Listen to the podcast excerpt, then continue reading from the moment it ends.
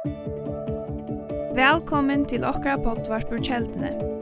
Loika mykje hvert var stater i dag, så vana vi at hesen båskapring kan være til oppbygging for det og for tukt antall av loiv. Takk for at du loir av og njød dagsens båskap. Men så er jeg faktisk i dag fyrrøyga mig på en helt annan båskap enn hver jeg kommer takka fram med i dag. Men og jeg helt er her er det som som skal ta frem. Og och ordentligt känt stärkan på sig som skulle ta frem. men men um, så hvis i så sista dagen så lika som har vi hørt fra imenskon som strujast vi imest og som er sjuk og og mitt hjärsta bara lukka som hever strekk seg ut til de falskene og og jeg ber ber en bådskap er vi først, så får Jesus fra Adam 95 til den øyne. Vi leser hugsa mitt landa fra Marskos kapitel 5, her Jesus fyr om i brun vattnet og til stormor og alt nær brøte inn i båten og så videre, og han kommer i brun vattnet her vi geta rena halvdid øyder og, og han kommer her til ein demonbesettan mann som lever her ute i grøven og Man ser kyrkjegæren og er nærkjen og skiten og slevar og er pura svekur, kan man gå se. Lever i, i lunchen her tror jeg at han, han, var, han, han var pura svekur. Og Jesus kommer iver om til henda mannen og setter han en frihøyt. Og her i Marskos kapitel 5 leser vi ikke om som så nek annet som Jesus gjør det her. Men han får iver om atur. Han får til den øyne. Og først så kjenner jeg til her øsene, og jeg har kjent ære til her øysene da jeg har prætka, at, at jeg er i her nesten fyrt han øyne. Men det betyr ikke til resten av åkken ikke kan få noe på jord. Men først så kjenner jeg bare til her Jesus, han ikke vil nema vi noen folk, og ikke hjelpe noen folk. Amen. Og jeg er ikke ferdig til Hebreerbrev kapittel 4, det han begynner vi tog. Og jeg kommer til å døyle noen ting vidt til her i det, som er vet at øsene, at det er parstvis Her vi dølt vet ikke om fyr, og jeg lyder synder. Men jeg ikke tåsa om, her i her, Bibelen tåsar om hetta, er stuja fram fyr i hasete nøyene. Er stuja fram fyr i hasete gods. Og fyr er få hjelp. Amen. Det er hjelp som du kan få. Det er en hjelp å få. Det er en hjelp å få fra herren. Og hon er her vi hasete nøyene. Og Jeg er ikke tås av lydsyndromet, jeg er ikke tekene noen skrifter fram, og jeg, jeg var ikke fra veien i ferie her, det er ordentlig, jeg har noen skrifter her på en, du kan fære alle møvelige veier, kanskje, men eh, vi skal begynne her fra Hebreerbrann kapitel 4, vers 16, Hebreerbrevet nøyder hese åringene inn i midtelen og i nøkron skriftstøven enn det åringen er stuja fram. Um, og vi skal lese her, la oss lese fra vers 15, 15 og 16. Her stendur til vi har ikke høvespress som ikke kan hava samkjenslo vi vøykløkken okkara, men ein som er frøstaver og i øtlån og a samme hatt som við tau utan sind. Jesus fjør og djøknen alt her som vi færa og i djøknen her og Eh vi er blå frøstaver og røyntur. Amen. Amen. Og han void hva det er som vi færre jøkken. Han, han, han hever opplevet han frøstinger som vi færre jøkken. Han har opplevet han røynder som vi færre jøkken. Han void hva det er som, som vi færre jøkken. Han er god som gjørtes menneska som kom inn i denne heimen, lett så få oss med menneska inn i heimen, og, og, og han, han bær okkara syndere, han bær okkara voikloggar, han bær okkara sjuker, men fra en standpunkt som et menneske så void han øyne hva det er Og han til en slukan høvesprest som vi heva vid Guds åsjøen. Til en slukan høvesprest, til en slukan talsmann, til en slukan middelmann, til en slukan ombudsmann som vi heva tja ferien. Til en slukan, en slukan sækførere kan man godt säga, som vi heva tja gode ferien. Til en slukan forbiere som vi heva her tja ferien. Jesus Kristus, amen. Han er herpoint. Han som hever både sinter okkara. Vi blir faktisk germona monaus ned til å lese 1. Johannes brev kapitel 8. Han tar om sinter kroppsins og synder okkara.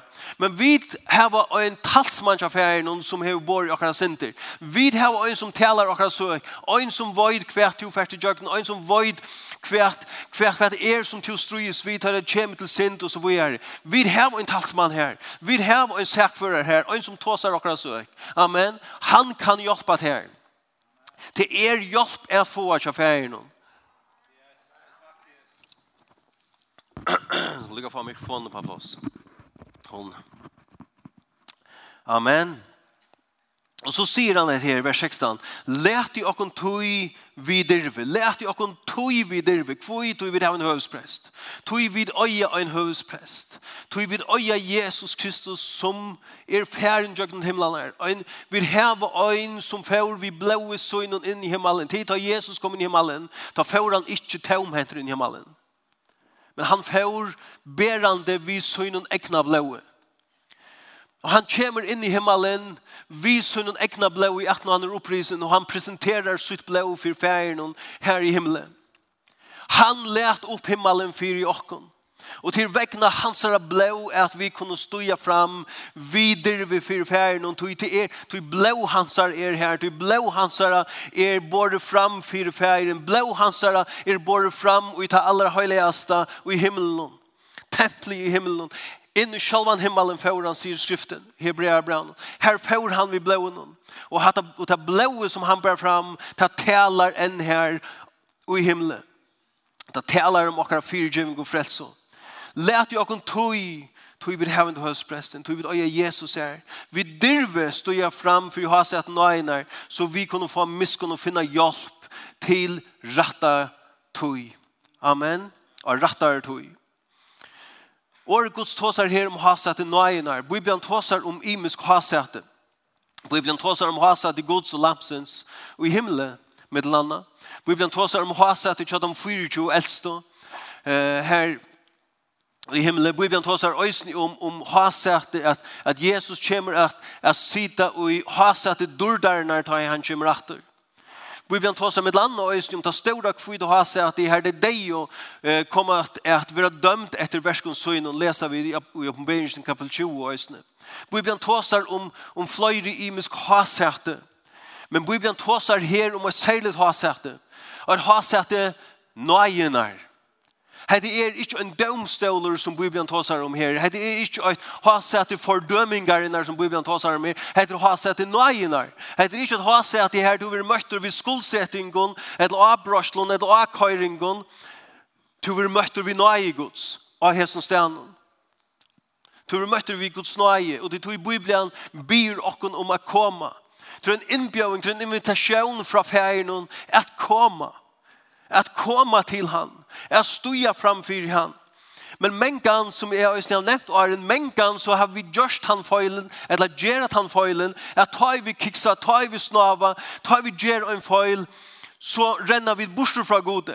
Tog vi skammas, akkurat som Adam og Eva som krekva oss i, Adam, i Edens hava, så gjør vi den samme feilene med at vi krekva oss for gode, tog vi skammas. Men Gud byr oss om å komme, han byr om at renna til at han har sett i noen Amen så vi kunne få miskunn og finne nøye til hjelp av dette tog. Amen. Halleluja. God byr og man kommer til å ha sett nøyen her. Og hever du snava, hever du gjørst onkra synd, er du fattelig noe i onkron, så kom, kom til han. Ikke stekka via fylgja Jesus. Kom til han. Gjør opp vi syndene. Til hjelp å få av fra, til miskunn å få av fra gode. Amen. Og i Lukas evangelium kapitel 15 her, her, her var vi disse kjente, kjente søvna om om hin, hin vilsta sonen, sonen som de heimann fra. Vi skal ikke få lese så søvn her. Vi skal bare få lese vers 20 og 21. Her kjente så rastes han, his sonen som var rumter heimann fra. Så rastes han og han kom til fægersøyn, men, med, men medan han enn var lengt bostor, sa fægeren han. Og han tykte hjertelig synd i honom. Han tykte hjertelig synd i honom. Men det er så mange som har en skøyva mynd av god. At god er en herrer god, at god er en fordømand god, at god er en, en god som sender klarer til å slå at nei, god er en god som tykker hjertelig har sint ut her. Om du har sint, om du ligger nere. Og han ikke har hjulpet her, han ikke har røyset deg opp. Ta så ferien han, han ser til, ferien ser til. Og han tykker hjertelig har sint ut, og han får rennende og leib om halsen av honom. Og kysste han. Og så løs, da samme vil feiren gjøre vi øyne kvann som kommer til han. Øyne kvann som ei mye seg for han, øyne kvann som bodger seg for han, øyne kvann som teker et her første stige til å komme hjem til han, feiren til røyer. Og han vil komme rennande til tøyne, han vil halsfevna til og kyssa til. Øyne ser hvert du hever gjørst, øyne ser hvert din forstøy, hvordan din forstøy ser ut. Vers 1 sier, men sonen sier vi han fægir, og synda mot i himmel og fyrt her, er ikke verdur langer øyda soner tøyen. Og sagt, hva heter her er just essensen og i miskunn. Orgus tåsar om at stå framfor sett nøyner, så vi kunne få miskunn. Og miskunn er just det her, at vi kunne få fra ferien til det som vi ikke hadde oppe oppebåret, så er det som soneren har ikke oppe på det fire djeving. Og det er just det som ligger i fire djeving, miskunn gods, til at vi kunne få miskunn fra gode. Amen. Til at vi kunne få miskunn fra honom, at vi nærkast som vi ikke har det. Så det er en, det er, det er en kaddel fra trånene, det er en kaddel fra gode, Og kanskje du ikke sider her i det som er til støv, men kanskje er onker som høyr meg i det og det er netten som er borster fra gode. Og det er kall fra trånene og kom, man kommer atter og man kommer til feiren til at få gjørst opp vi sin, til å få gjørst opp vi til skøyveløy som du gonger i løtene. God elskar til og han ser til og han kommer rennande til tøyen. Ta i to, tekur stige til han. Amen. Halleluja. Halleluja. Lät jag kon tog vi dirvis jag framför jag har sett nöjnar så vi kunde få miskun och finna nöje till hjälpar detta tog. Hetta steg her har sett nöjnar till ett steg her to kanst få hjelp, nøye til hjelp. Tar Tørvar til hjelp her i det. Tar Tørvar til hjelp her i det. Er det akkur som du strøyest vi? Er det akkur som du strøyest vi? Det kan være akkur til familiene, det kan være akkur salarligt. tjuna banden, det kan være akkur til vi tunne halsa. Er det akkur som du strøyest vi? Ha seg at nøyen er er et sted her du kan få hjelp. Nøye til hjelp. Isaias kapittel 3 og 4. Jeg leste, nei, øyne 4, omskylda. Og kjent vers her. Her sier Orgo Solis at øktast ikke er vit her, vi ver ikkje motfadlen, er godtøyn. Est ikkje til og hjelpe til. Amen. Est ikkje til og hjelpe til og halde her oppe vi høyre hånd rattvise munner. God er tann som sier er er god tøyn. Om to hever tidsi med i Jesus som tøynun herre og frelsere så sier God vi til er er god tøyn. Er er god tøyn. Og han sier, jeg vil takke meg av her. Du skal ikke øktast. For at endi er for en situasjon som tverst og så sier han vi til, øktast ikkje. Jeg skal takka meg av til her. Jeg skal takka meg av til her. Jeg, jeg styrker til her. Jeg hjelper til her. Jeg halter til her oppe. Amen. Halleluja. Halleluja.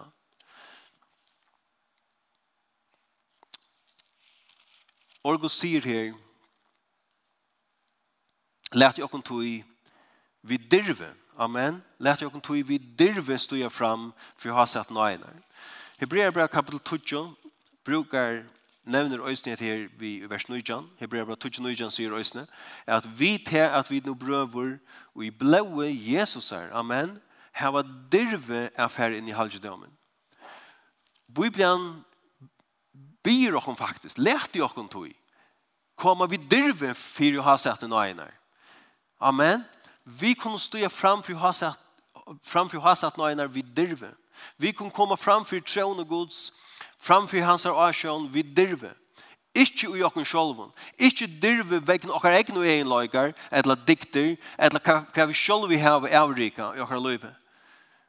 Et året dirve her er ikke til at vi kommer fram for god eh, arrogant, eller espen, eller hastaur, Nei, het året her kommer vi der vi mesja, vi kunne komme uh, öttaleis, uh, at vi kunne komme orat, at vi kunne komme uh, fri framfyr han. Amen.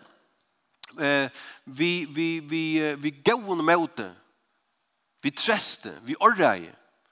Amen. Men det er ikke at vi kommer hastår, ikke det at vi kommer erspen. For vi kom ikke vid dirve, som vi sier, og i hva vi er i okken sjolvun. Men vi kom vid dirve og i blei Jesus her.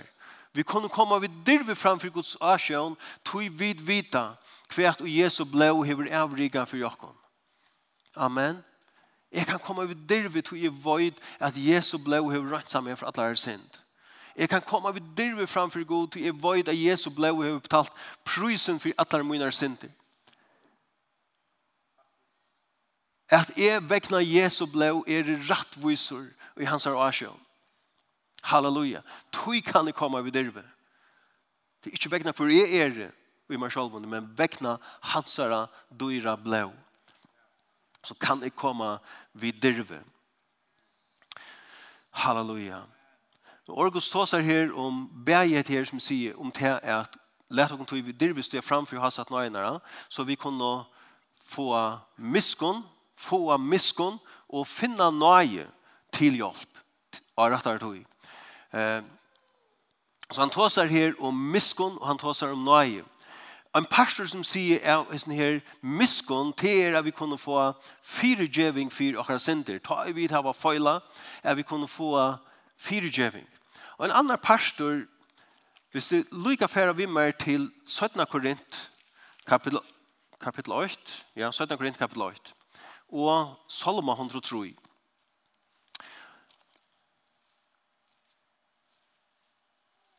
Salmur 103 i Øysene. Men 17. Korint, kapitel 8 og vers 3 sier her at lova vår veri god og feir herre okkara Jesu Krist, feir miskunnar. Amen. Feir miskunnar og god allrar trostar. Eh, lese lykka fra Salm 103 øysene. Salm 103, som er mengan her å sitere her øysene. Salm 103, vers 8 sier så, så lova herran og salmoen og alt som uimer er. Lov i høyleia navn i hansara. Lova herran og salmoen. Og gløym ikkje atlar velger hansara. Han er jo tann, og i fyrtjøver nastan atlar miskjer munar. Okkara. Nei, ta sender han ut han i fyrtjøver atlar mistyr tøyner. og grøyer nastan, nei, grøyer atlar sjukur tøyner. Som løyser løyt ut fra grøvene og kryner til vi nøy og miskun. Som mettar saltøyna vi tøy godt er, så du innjust oppater som ørnen. Herren gjør rattvise og rattmød i ødlen kuaun. Han lat Moses vida veri så när bön Israels verksöne. Miskon samur. Amen. Miskon samur og nöjor er Herren lenk meujur og ruikur i mildlöjka. Han heldur ikkje vi at hava näke mod i ögonen och han gömmer inte till evigar tojer vrøye. Han ger ikkje vi okkon etter synden okkar og löner okkon ikkje etter misstjören okkara. Er det ikkje fantastisk? Nei som himmelen er høgt i hjørne, er nei hans er større i tøymon, og gjøttast han. Så lengt som Estri er fra vestre, leter han synder okkar være lengt fra okkon. Vi ørner og enda litt. Og så sier han vers 13, som feir gjer miskon med det bøtten søgnen, så gjer Herren miskon med det tøymon i øktast han. Hvordan mange av okkon foreldren hadde ikke miskunnet okkar av bøtten? om de gjør du en feil, om de uh, synda, om de bør seg skøft ert med oss. Vi hadde miskunnet heimen, vi hadde fire givet heimen. Amen. God ger miskon i møte bøtten og søgnen. Og så feir ger miskon i møte søgnen og bøtten, så ger God miskon i møte søgnen og bøtten.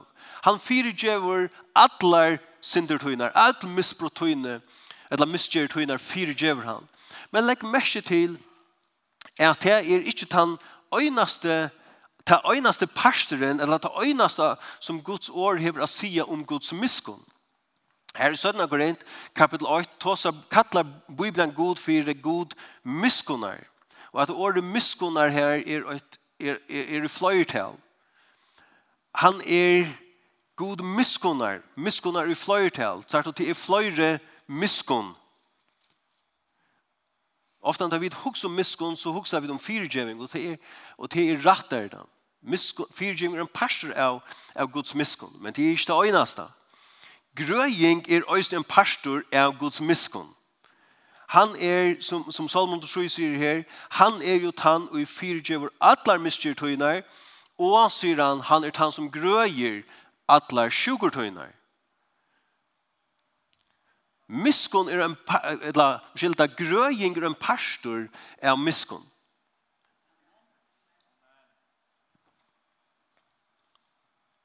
Da stender ikke han grøyer en parst av tøyne sjukken, eller nesten alle tøyne sjukker, eller han grøyer til vi kvørst, og så videre.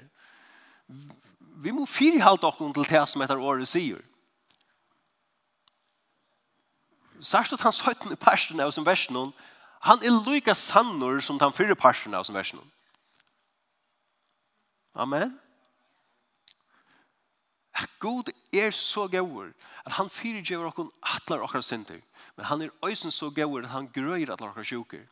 Og kanskje er to ut til støv i det, eller onkur er til støv i det, at, at hon eller han tørvar grøying. Og ikke bare til en halse her fra herren at han er den samme i det, at han er den samme miskon samme feiren i det, som elskar til. Og han er den som grøyer atlar okkar sjuker. Amen. Vi leser om Jesus. La oss lykke til tve skrifter om Jesus. Uh, Anna er fra Matteus kapitel 12. Matteus kapitel 12.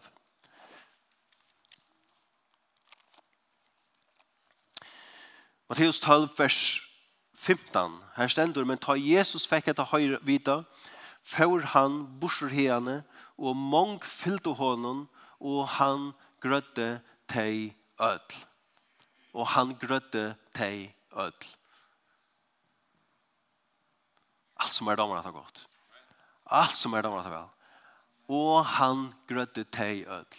Så han valde seg ikke bare noen få ut som han grødde. Han hei ikke bare, det kommer reservera grøying til noen få. Noen få utvald. Som levde øyelig høylagt på øyelig eller annet måte. Det var grøying til teg öll. Amen. Og det er nærkast som vi suttja i skriftene. Det er nærkast som vi suttja i skriftene. Nå, Per, jeg kanskje skal og lydes under front tog som jeg atler meg at hva som er, men Men det er nærkast som vi suttja i skriftene, og det er nemlig her er at grøying fylgjer mengan vi fyrirgjøving. Mittlen annet her som vi suttja i Salma 103, at han er han som fyrirgjøver atler okkar misgjerir, og han er han som grøyer atler okkar sjuker. Amen. Vi, vi sutja det her med anna eh, ta i, vi vi vi kronikbok 17 kronikbok kapittel 6, her han tåsar om falkmutt, som er kallet opp, med, opp etter mer, så vi er eimujuse og biur til han, så sier han, så skal jeg fyrirgjeva, ta imot tørre synder og kvæt, og grøa land torra Grøying fyllde vi fyrirgjeving. Amen. Halleluja. Ta vi, ta vi komma til Nudja Testamentet, så så vi atter her. Hvis vi færer vimmer til Lukas kapitel 5, Lukas kapitel 5, så stender det her at vers 16, Nå var den der en han, altså Jesus lærte, her så du farserer og lovlærer som kom nu vår kvar i bygd i Galilea og Judea og ur Jerusalem, og kraft herrans til å grøa hver tja honom. Ta kom nekker menn, berande vi lamna mann i sång, tar rundt og slipper inn vi honom, og legger han framfyr han. Men vi tar tar ångan vi er så og slipper inn vi honom, fyrir falskene, fører tar opp av tætje, og sykt og beg han og sønsjene nye med den tækstøynene. Bøyt framme for Jesus. Ta han så trygt harra, sier han, med vår sintertøyner er der fyrtjønner. Han sier ikke at du er grøtter. Han sier med vår sintertøyner er der fyrtjønner. Amen. Amen. Og så häller han fram vid sig att ta för eller sänder her ta för in skriftlärde for sig og hooks av sig. Eh kvör er hesen som talar slut Guds spottande og och kan fyrgeva synder utan god ögna. Men vita Jesus kände hooks han tarra. Svär han ta i mun er är till tid hooks gör som tickar. er är lättare att säga synder tynar er och här fyrgevnar etla er säga röst og gaxar så för god er till lika lagt Fra hans perspektiv, fra hans hans sujo, er det lika lagt at grå et menneske som er fyrtjøv en menneska.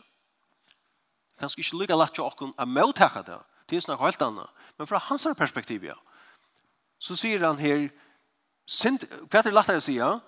Sindertunar til fyrtjøvnar, etla røyste og gakk. Men så sier han, men fire, legg merkelig her, men fire at de skulle vita at menneskesåneren har valgt av hjørne er fyrirgjøva sinter. Så sier jeg til her, eller, eller, eh, omskylda, men fire, la meg leta om at omskylda, men fire at vi skulle vide menneskesåneren valgt av hjørne fyrirgjøva sinter, sier han vi lamna, jeg sier til her, røys til, takk sangtøyna og fer hjem til, til Charles. Og han ble grøtter i smævren. Så Jesus, og i stått hon, holdt stått her, Jesus prekvai, kan man säga, så ett vald är att fyrgeva synder vi är gröva en sjukan. Amen. Särst du, gröjing är näka som fylgjer vi fyrgeving. Vi sutja till flöjre steg i skriftene, at det er god fyrgav så inom falskje, Ta Han fyrgav tar han synder, tar han till i ösnen. Jakobs brev kapitel 5. Jakobs brev kapitel 5. Halleluja. Halleluja.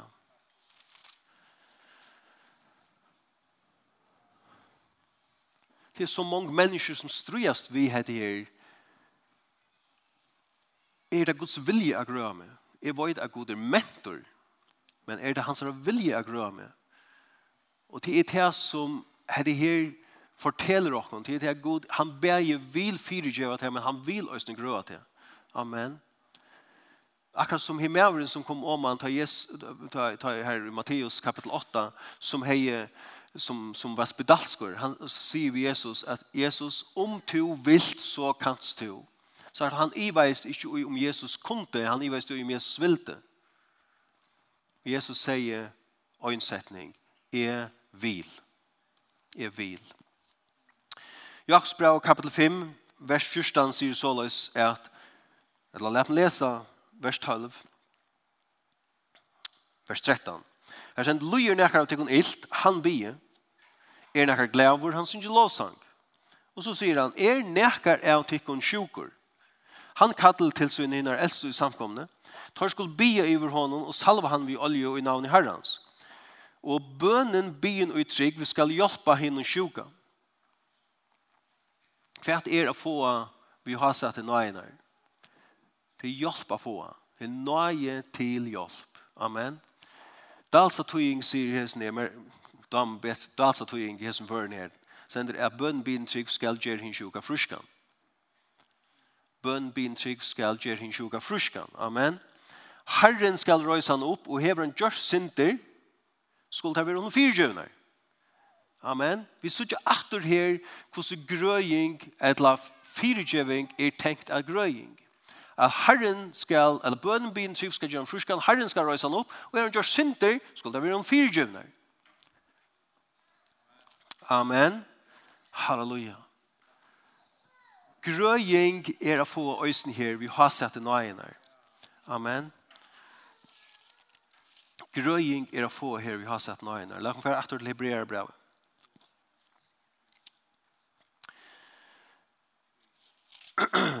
Hebrea brev 4. Les lukka vers 16 fra 3. Læt i åkken tog vi dirve, stod jeg fram for jeg har sett nøyene, så vi kunne få miskunn og finne nøye til hjelp av dette tog.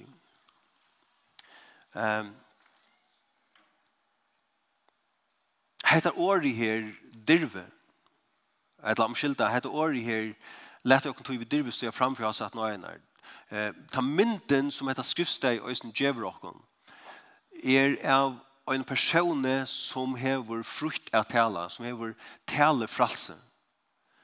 Eh, hette en mynd, hette skriftsteg maler en mynd for oss av en person som kan komme frukt framfor oss at nøyene, og og, og tæla hever, hever frals i å tala vi hin livande god.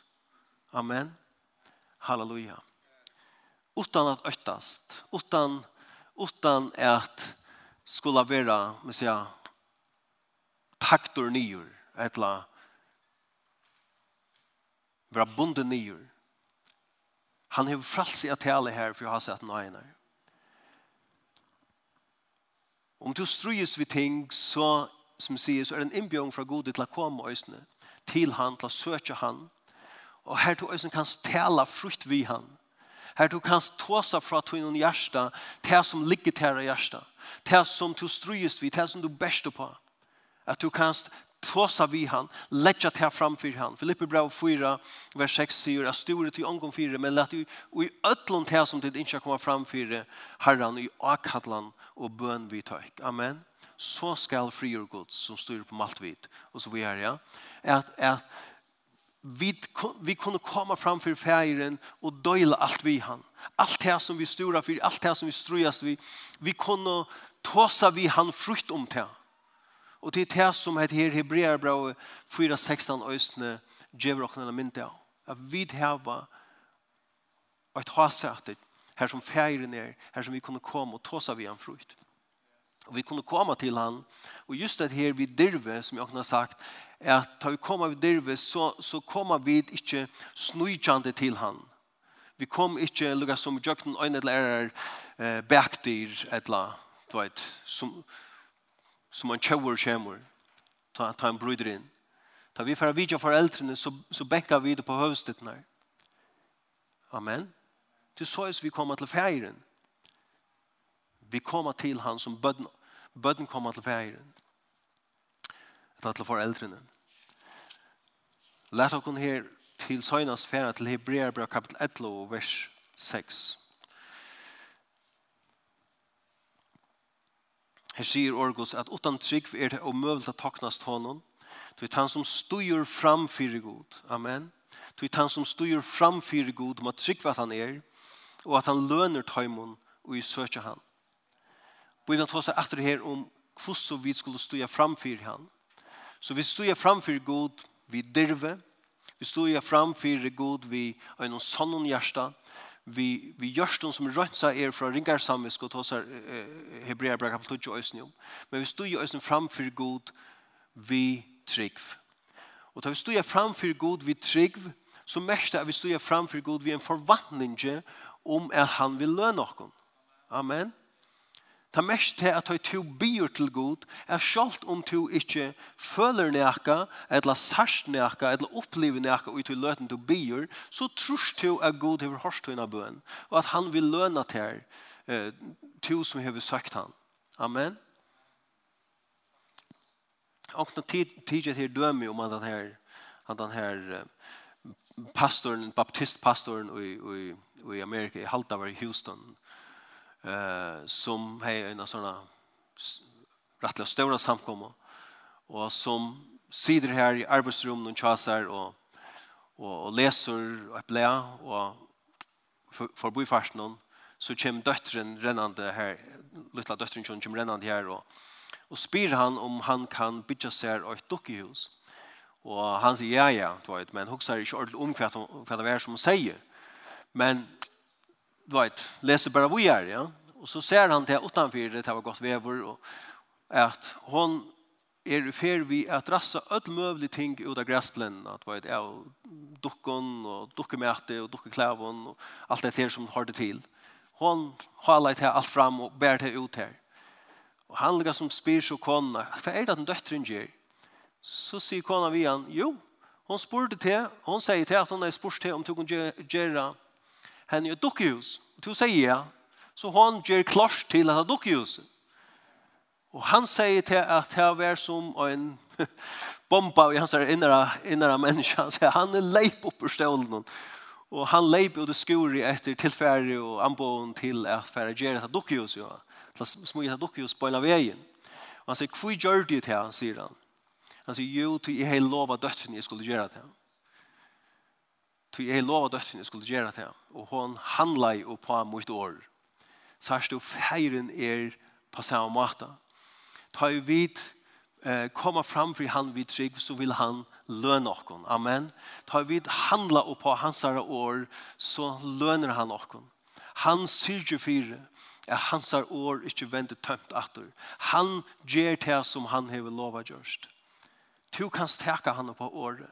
Du kan handla på hans år. Du kan stoja framför i hasat nöjnar och be han om hjälp. Du kan handla på det här hebreerbrevet 4.16 och, och stoja framför han för jag får hjälp. Du kan handla på Salma 103 och komma till han för jag får fyrgövning eller få gröjning. Du kan handla på Hebreer eller Filipperbrev kapitel 4 och komma framför han vid ödlen tusen till stora fyra och han vill hjälpa till. Amen. Du kan handle på Guds ord och i trygg. Och han vil löna til. Amen. Halleluja. Takk og lov Jesus. Halleluja. Skulle vi för oss opp låsangeren, kom till bara. Kom till bara fram her, røysene. Takk og lov Jesus. Halleluja. För lycka läsa. Lycka läsa 8:30 men låt bara lycka rösa upp. Lakken bare luga røysa okken opp. Galatia brev kapitel 4 sier så løys at men ta i fytling tøyerne kom, sende god sånnsyn, født han av kvinno, født han under lovene, fire er han skulle kjeipa til lei som under lovene våre, så vi skulle få sånne ratten. Og jeg tog jeg tider syner hur god sent og gjørst og okkar andre sånne, sånne syns. Han som råper Abba Fægir. Tu erst ta ikkje trealer langer, men sonur. Og erst du soner, erst du òsni arvinge vi gode. Amen. Og jeg husker meg særlig til året her, er at du erst ha ikkje trealer langer, men soner. Etla døtter. Amen. Og erst du soner, erst du òsni arvinje tja gode. Jeg husker meg til den her sonen, og i Lukas kapitel 15, som kommer heim til feiren. Og han hei ikke bjøa feiren om. Han sier ikke veider langer og soner sånne tøyen. Læpp meg bare være en, en arbeidsmann i tøynen huset. Men feiren litter han uppåt til ta status som han hei i åren som en soner. Og fägren ger hon til beste klæene. Og han ger hon ringa hånden. han ger, ger hon skekvar av føttene som en soner. Som en arvinge. Amen. Vi är jo ikke trealer langer. Vi er ikke bare arbeidsfolk eller arbeidsmenn til gode. Vi er og syner Guds. Vi er og døtter Guds. Amen. Og ta vi komma fram för han så kommer vi komma som hans bøten, som hans rasiner, som hans radöter. Og det är monor och kvos en trealor bior herrasøyn om näka. Om kvos og kvos en døtter, eller kvos en sonor bior syn feir, eller syn foreldre.